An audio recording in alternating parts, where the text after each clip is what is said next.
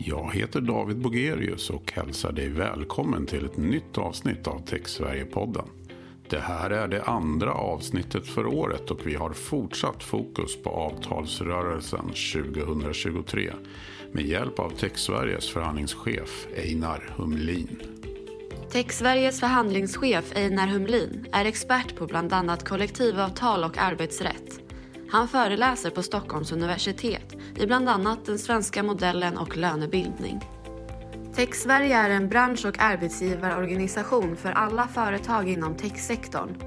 De cirka 1450 medlemsföretagen har sammantaget närmare 100 000 medarbetare i Sverige.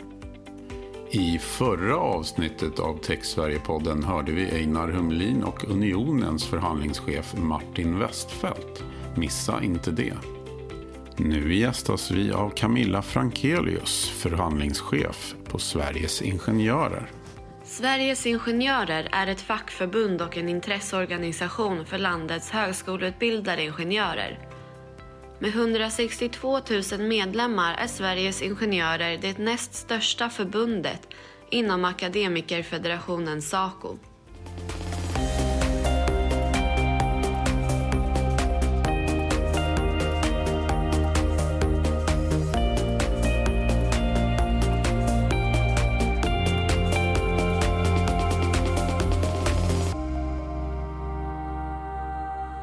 Jag ska börja då med att eh, hälsa er båda välkomna till ett nytt avsnitt, årets andra, av TechSverige-podden. Välkommen Einar och välkommen Camilla Frankelius. Tack så mycket. Tack så mycket. Camilla, du ska få börja att eh, berätta lite om, om, din bakgrund och även lite grann om Sveriges Ingenjörer. Mm.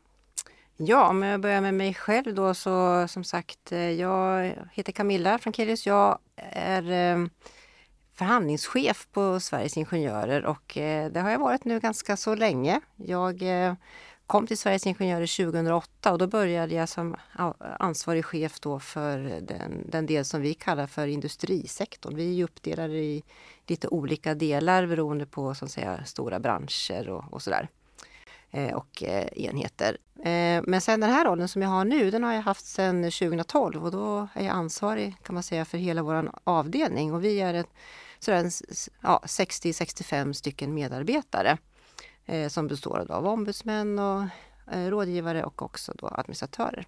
Ja, men Sveriges Ingenjörer är ju numera en stor organisation. Vi är 169 000 ingenjörer som vi då samlar hos oss. Eh, vi bildades eh, 2007 som Sveriges Ingenjörer. Dessförinnan eh, var vi två organisationer som då slogs ihop, då, Ingenjörsförbundet och Civilingenjörsförbundet som gick samman då.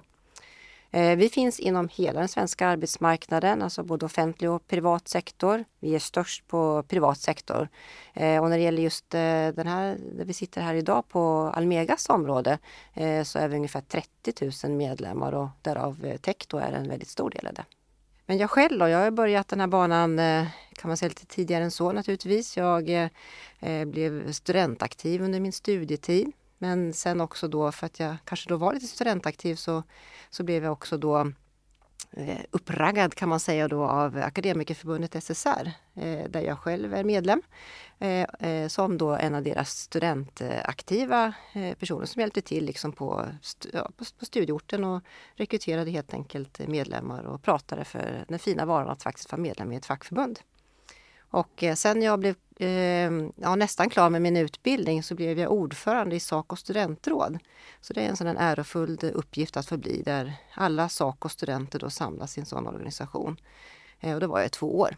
Därefter blev jag ombudsman på ett av Sacos mindre förbund som numera heter Sveriges farmaceuter. Ja, så, så ser min historia ut. Einar Humlin då heter jag, förhandlingschef för Tech Sverige. Har jobbat drygt 20 år med eh, den här typen av företag och bolag. Jag har även varit förhandlingschef ute i två av de största börsbolagen inom telekomsektorn. Eh, och dessförinnan jobbade jag fem år faktiskt med traditionell basindustri med gruvor och stålverk bland annat, förhandlingsverksamheten där. Kan du berätta lite eh, hur du ser på Sveriges Ingenjörer och deras roll nu i samband med avtalsrörelsen och för techsektorn i stort? Ja, men det är naturligtvis en oerhört viktig motpart för oss och en samarbetspart eh, för den delen också. Ingenjörer är ju avgörande för techsektorns utveckling. Det har varit så historiskt när det gäller innovation och, och skapande av företagen och deras affärsidéer och utvecklas med hjälp av ingenjörskonst på olika sätt. Så det, vi ser ju väldigt positivt på att vi, vi har Sveriges Ingenjörer som motpart och vill gärna ha ett gott samarbetsklimat oss emellan. Eh, och även framåt i tiden så vill vi se flera ingenjörer som söker oss till vår bransch. Inte minst kvinnor, det är viktigt att vi poängterar detta. Camilla, om vi, om vi bollar ungefär samma fråga till dig då. Hur, hur ser du på Sveriges techsektor och, och då Sveriges ingenjörers roll i avtalsrörelsen och i framtiden? Ja, men det är ju det är en väldigt eh, viktig motpart för oss. Vi har väldigt många medlemmar på den här eh, sektorn och den här vår motpart eh, Tech Sverige. Sverige.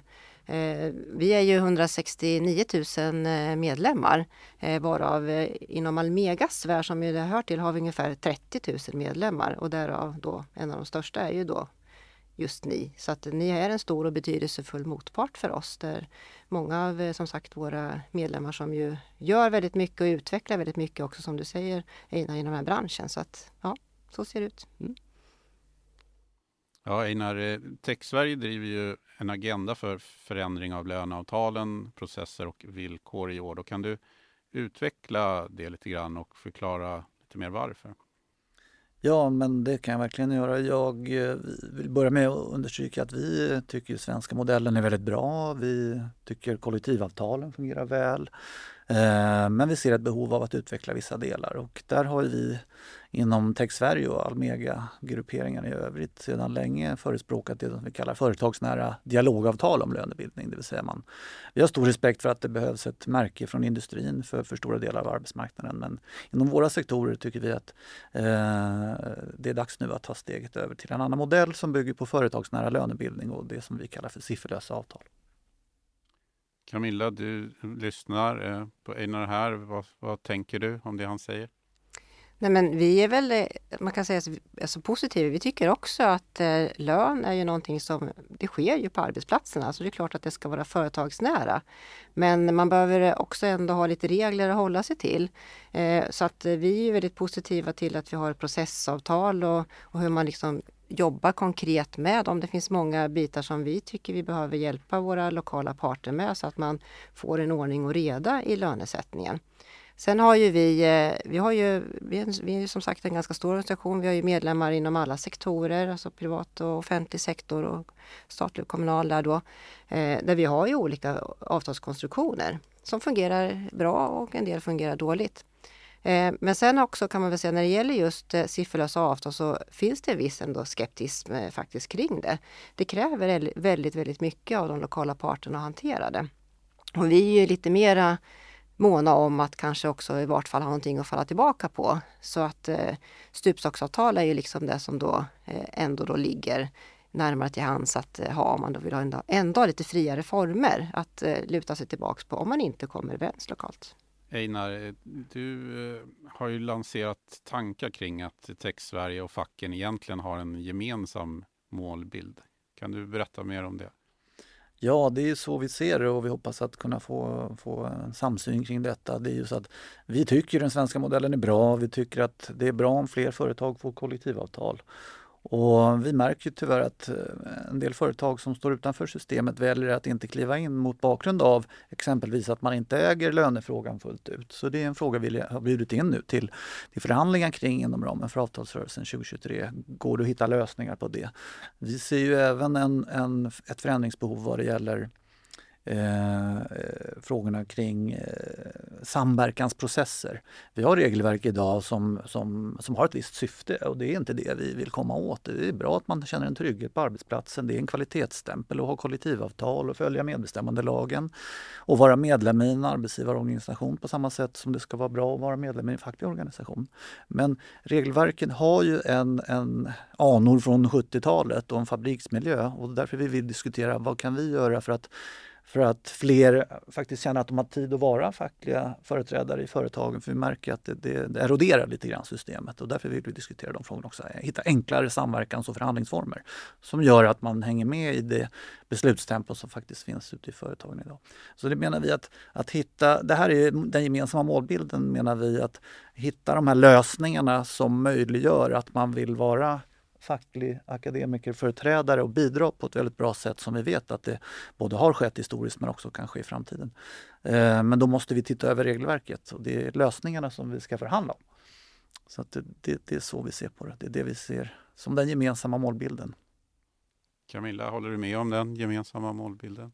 Nej, men det är klart att vi ska arbeta för att det ska bli lättare både att bli medlem och eh, alltså som arbetsgivare men också att eh, de lokala fackliga ska eh, underlätta och det ska vara lätt att arbeta tillsammans och att man har former för det på ett bra sätt. Det är ju det är så den svenska modellen är tänkt att fungera och som den också tycker jag gör i många delar. Vi eh, har, tycker jag, ändå goda erfarenheter över, från era bolag också, att det också fungerar väldigt väl. Och sen har ju vi, eh, när det gäller just ingenjörer, så har de ju en eh, eh, förmåga att tycka att det är så himla roligt att vara ingenjör också. Och det är bra. Eh, så våra är ju sällan heltidsfackliga utan de eh, har ju ett ben eh, också i den vanliga verksamheten och det tror vi faktiskt också är väldigt bra. För då känner man till och man vet hur det funkar och man ser också hur företaget utvecklas på ett bra sätt och kan vara ett bra bidrag då på, på arbetsplatsen till att göra saker och ting bättre då, gemensamt med arbetsgivaren. Vad är viktigast för er i förhandlingarna? I de kommande förhandlingarna så, så ser ju vi, vi är ju måna om att det finns eh, bra villkor naturligtvis. Det ska ju locka till eh, att man vill jobba inom den här sektorn. Det ska trygga, eh, trygga villkor. Man ska kunna förena kan man väl säga arbetsliv med familjeliv. Eh, också tydliga villkor. Det är ju någonting som ju ni också vill ha. Det vill ju vi också. Det, man ska veta egentligen vad som gäller naturligtvis. En annan stor fråga för oss har ju också varit det här med distansarbete Eh, som ju har seglat upp eh, i och med pandemin kan man säga har blivit en stor fråga på många sätt. Där tycker vi också att vi behöver ha eh, vissa rutiner och regler och kanske handledningar kring att man, hur man ska jobba för att kunna också göra väldigt bra och positiva saker kring det. Sen naturligtvis, för oss är ju alltid lön en stor och viktig fråga. Eh, att det finns en bra och schysst lönesättning och att man vet varför jag får den lön som jag också får och att man också kan påverka lönen.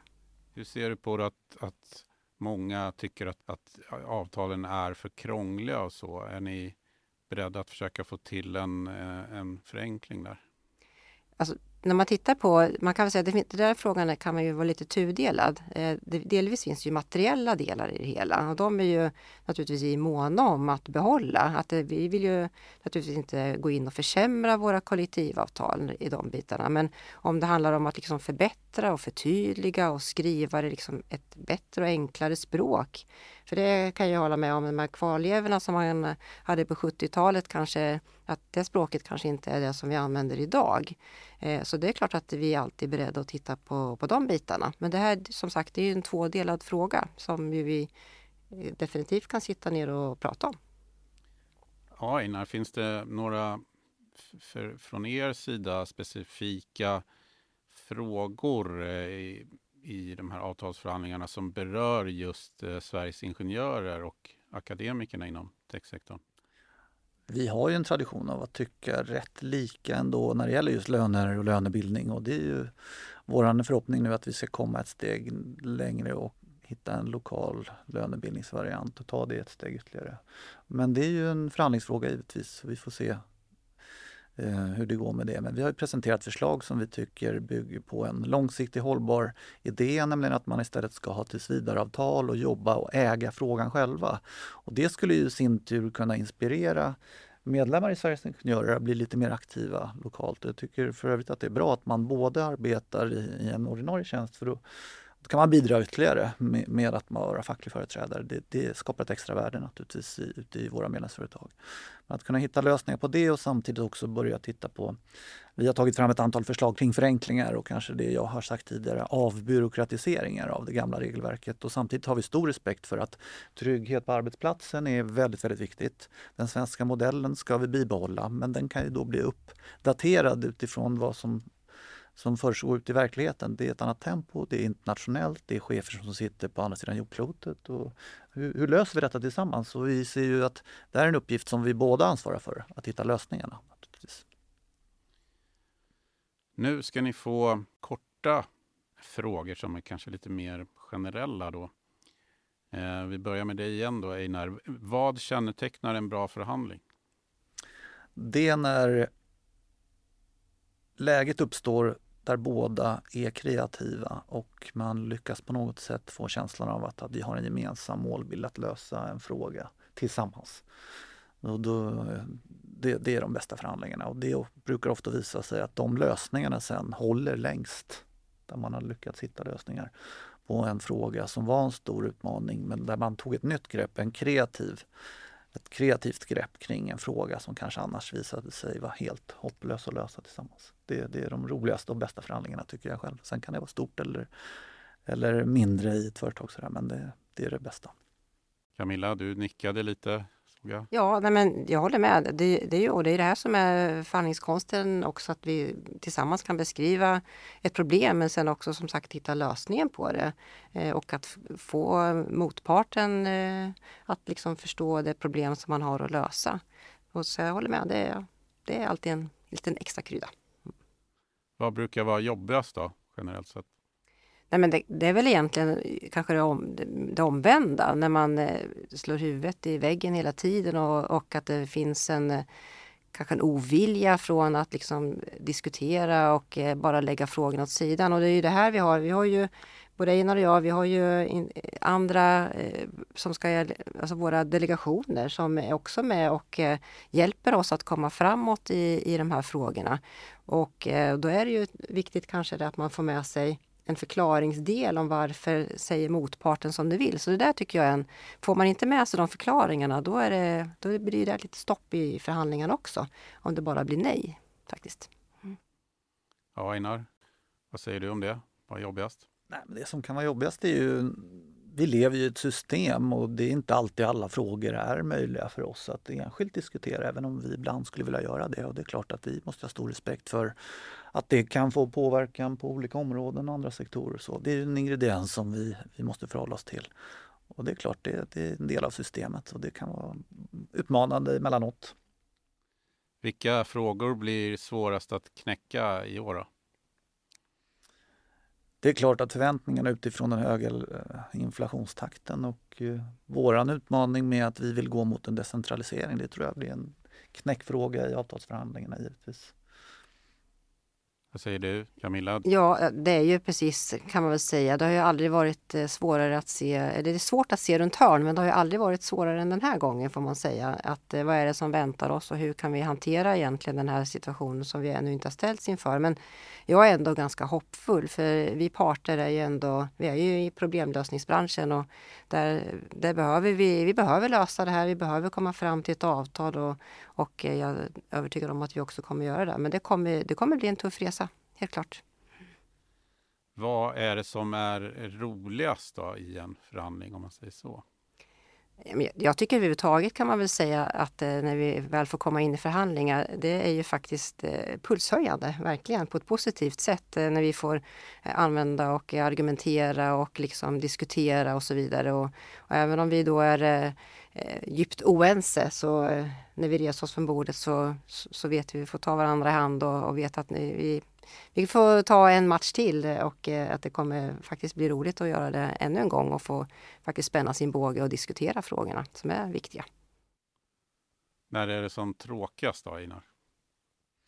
Det är väl om förhandlingarna helt enkelt går i, går i stå som man säger. Att det, det, det sker inga konstruktiva tankar överhuvudtaget. Och då, då får man ibland ta, ta en paus eller eh, göra något annat eller prata om något annat kan det vara så. Då, då kan det Eh, kanske lätta upp lite grann. Så att, eh, det tråkigaste är om det verkligen, att alla positioner är låsta.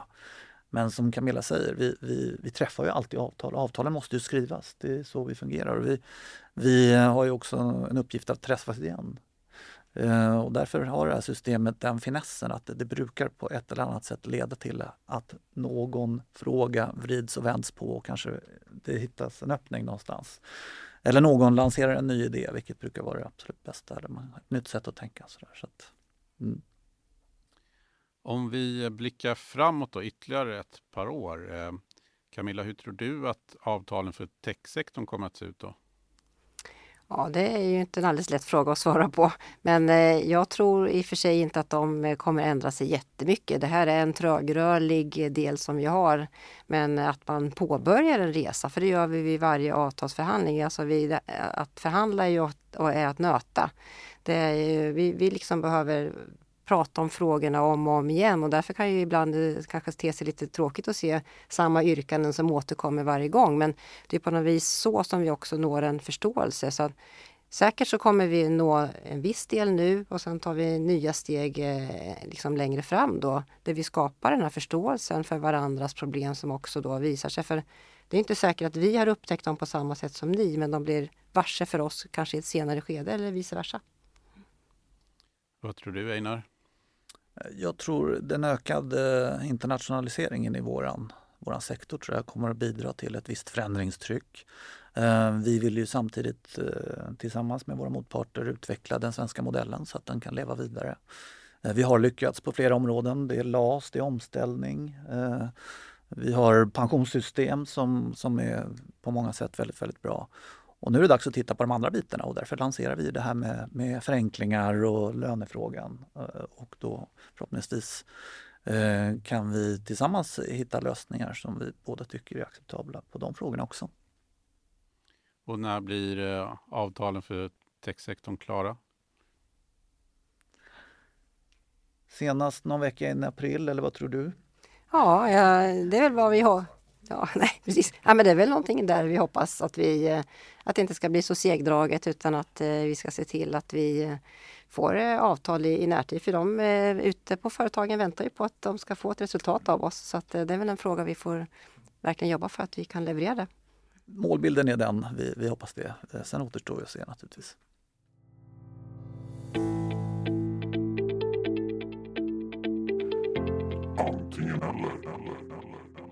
Vi har ju en liten eh, avdelning i, eh, podden som heter antingen eller. Inte helt lätt att svara på, men vi, ni får göra ett försök. Eh. Vi börjar med dig då Camilla. Tech eller traditionell basindustri? Ja, alltså där säger jag ju bara ordet symbios för att jag tror att den ena, det ena behöver det andra och det andra behöver det andra också. Så att där lever man ihop, så jag tror faktiskt är en väldigt viktig del att båda de här två måste finnas. Mjukvara eller hårdvara? Ja, men mjukvara när vi är här kanske. Vi ser ju, det är ju en enorm utveckling naturligtvis som sker inom de här områdena så man måste välja får man välja det. Sverige eller globalt? Alltså jag skulle säga eh, i det här läget Sverige och, och eh, våran förhoppning är ju, nu är ju det här en, eh, alltså när man levererar här är ju ändå worldwide grejer liksom. Det är ju saker som forslas i, kanske inte riktigt, om vi nu säger i, i praktiska saker, utan mera eh, utvecklingsbitar och saker som ju faktiskt kan förändra våran värld. Men vi hoppas ju på att så mycket som möjligt ska ske inom Sveriges ramar i alla fall. Att, att företagen vill vara här och vi har bra företagsvillkor. Det är vår förhoppning. Eh, sista frågan till dig då på antingen eller IT eller telekom. Eh, ja, det jag tycker också att de här grejerna behöver ju ha varandra. Och nu, det här är ju båda tillhör ju det här området faktiskt också så att eh, det blir svårt att faktiskt svara ja eller nej på den frågan. Einar, du ska få exakt samma frågor faktiskt, så du har ju hunnit eh, tänka lite nu på, på, på dina svar här. Eh, tech eller traditionell basindustri? Tech, även om jag har jobbat fem år i traditionell basindustri. Helt fantastisk upplevelse den bästa lärskolan man kan få om man vill lära sig om den svenska modellen det är att jobba med stålverk och gruvor och ha, och, ha, ha de, de branscherna och de människorna som jobbade där lärde mig oerhört mycket. Men idag är det tech. Mjukvara eller hårdvara? Eh, mjukvara svarar jag också då. Det är ju någonting som vi, vi berörs av och använder varje dag. Så att jag säger mjukvara om jag måste välja. Sverige eller globalt? Vi ska vara oerhört stolta för de svenska bolag som lyckas globalt och samtidigt är jag otroligt glad för att vi har globala bolag som växer och agerar och finns i Sverige. Det är ju, det är ju bland det roligaste med det här jobbet att vi har både och faktiskt. Så att, eh, Och jag tror att internationaliseringen ökar successivt men det ger ju stora möjligheter för svenska ingenjörer och svenska bolag att utvecklas och lansera och verka i en global kontext. IT eller telekom? Jag har ju varit förhandlingschef ute i några av de stora telekombolagen men jag är väldigt förtjust i IT-bolagen också. Så att, eh, jag svarar väl tech-sektorn då så har vi samlat ihop allting.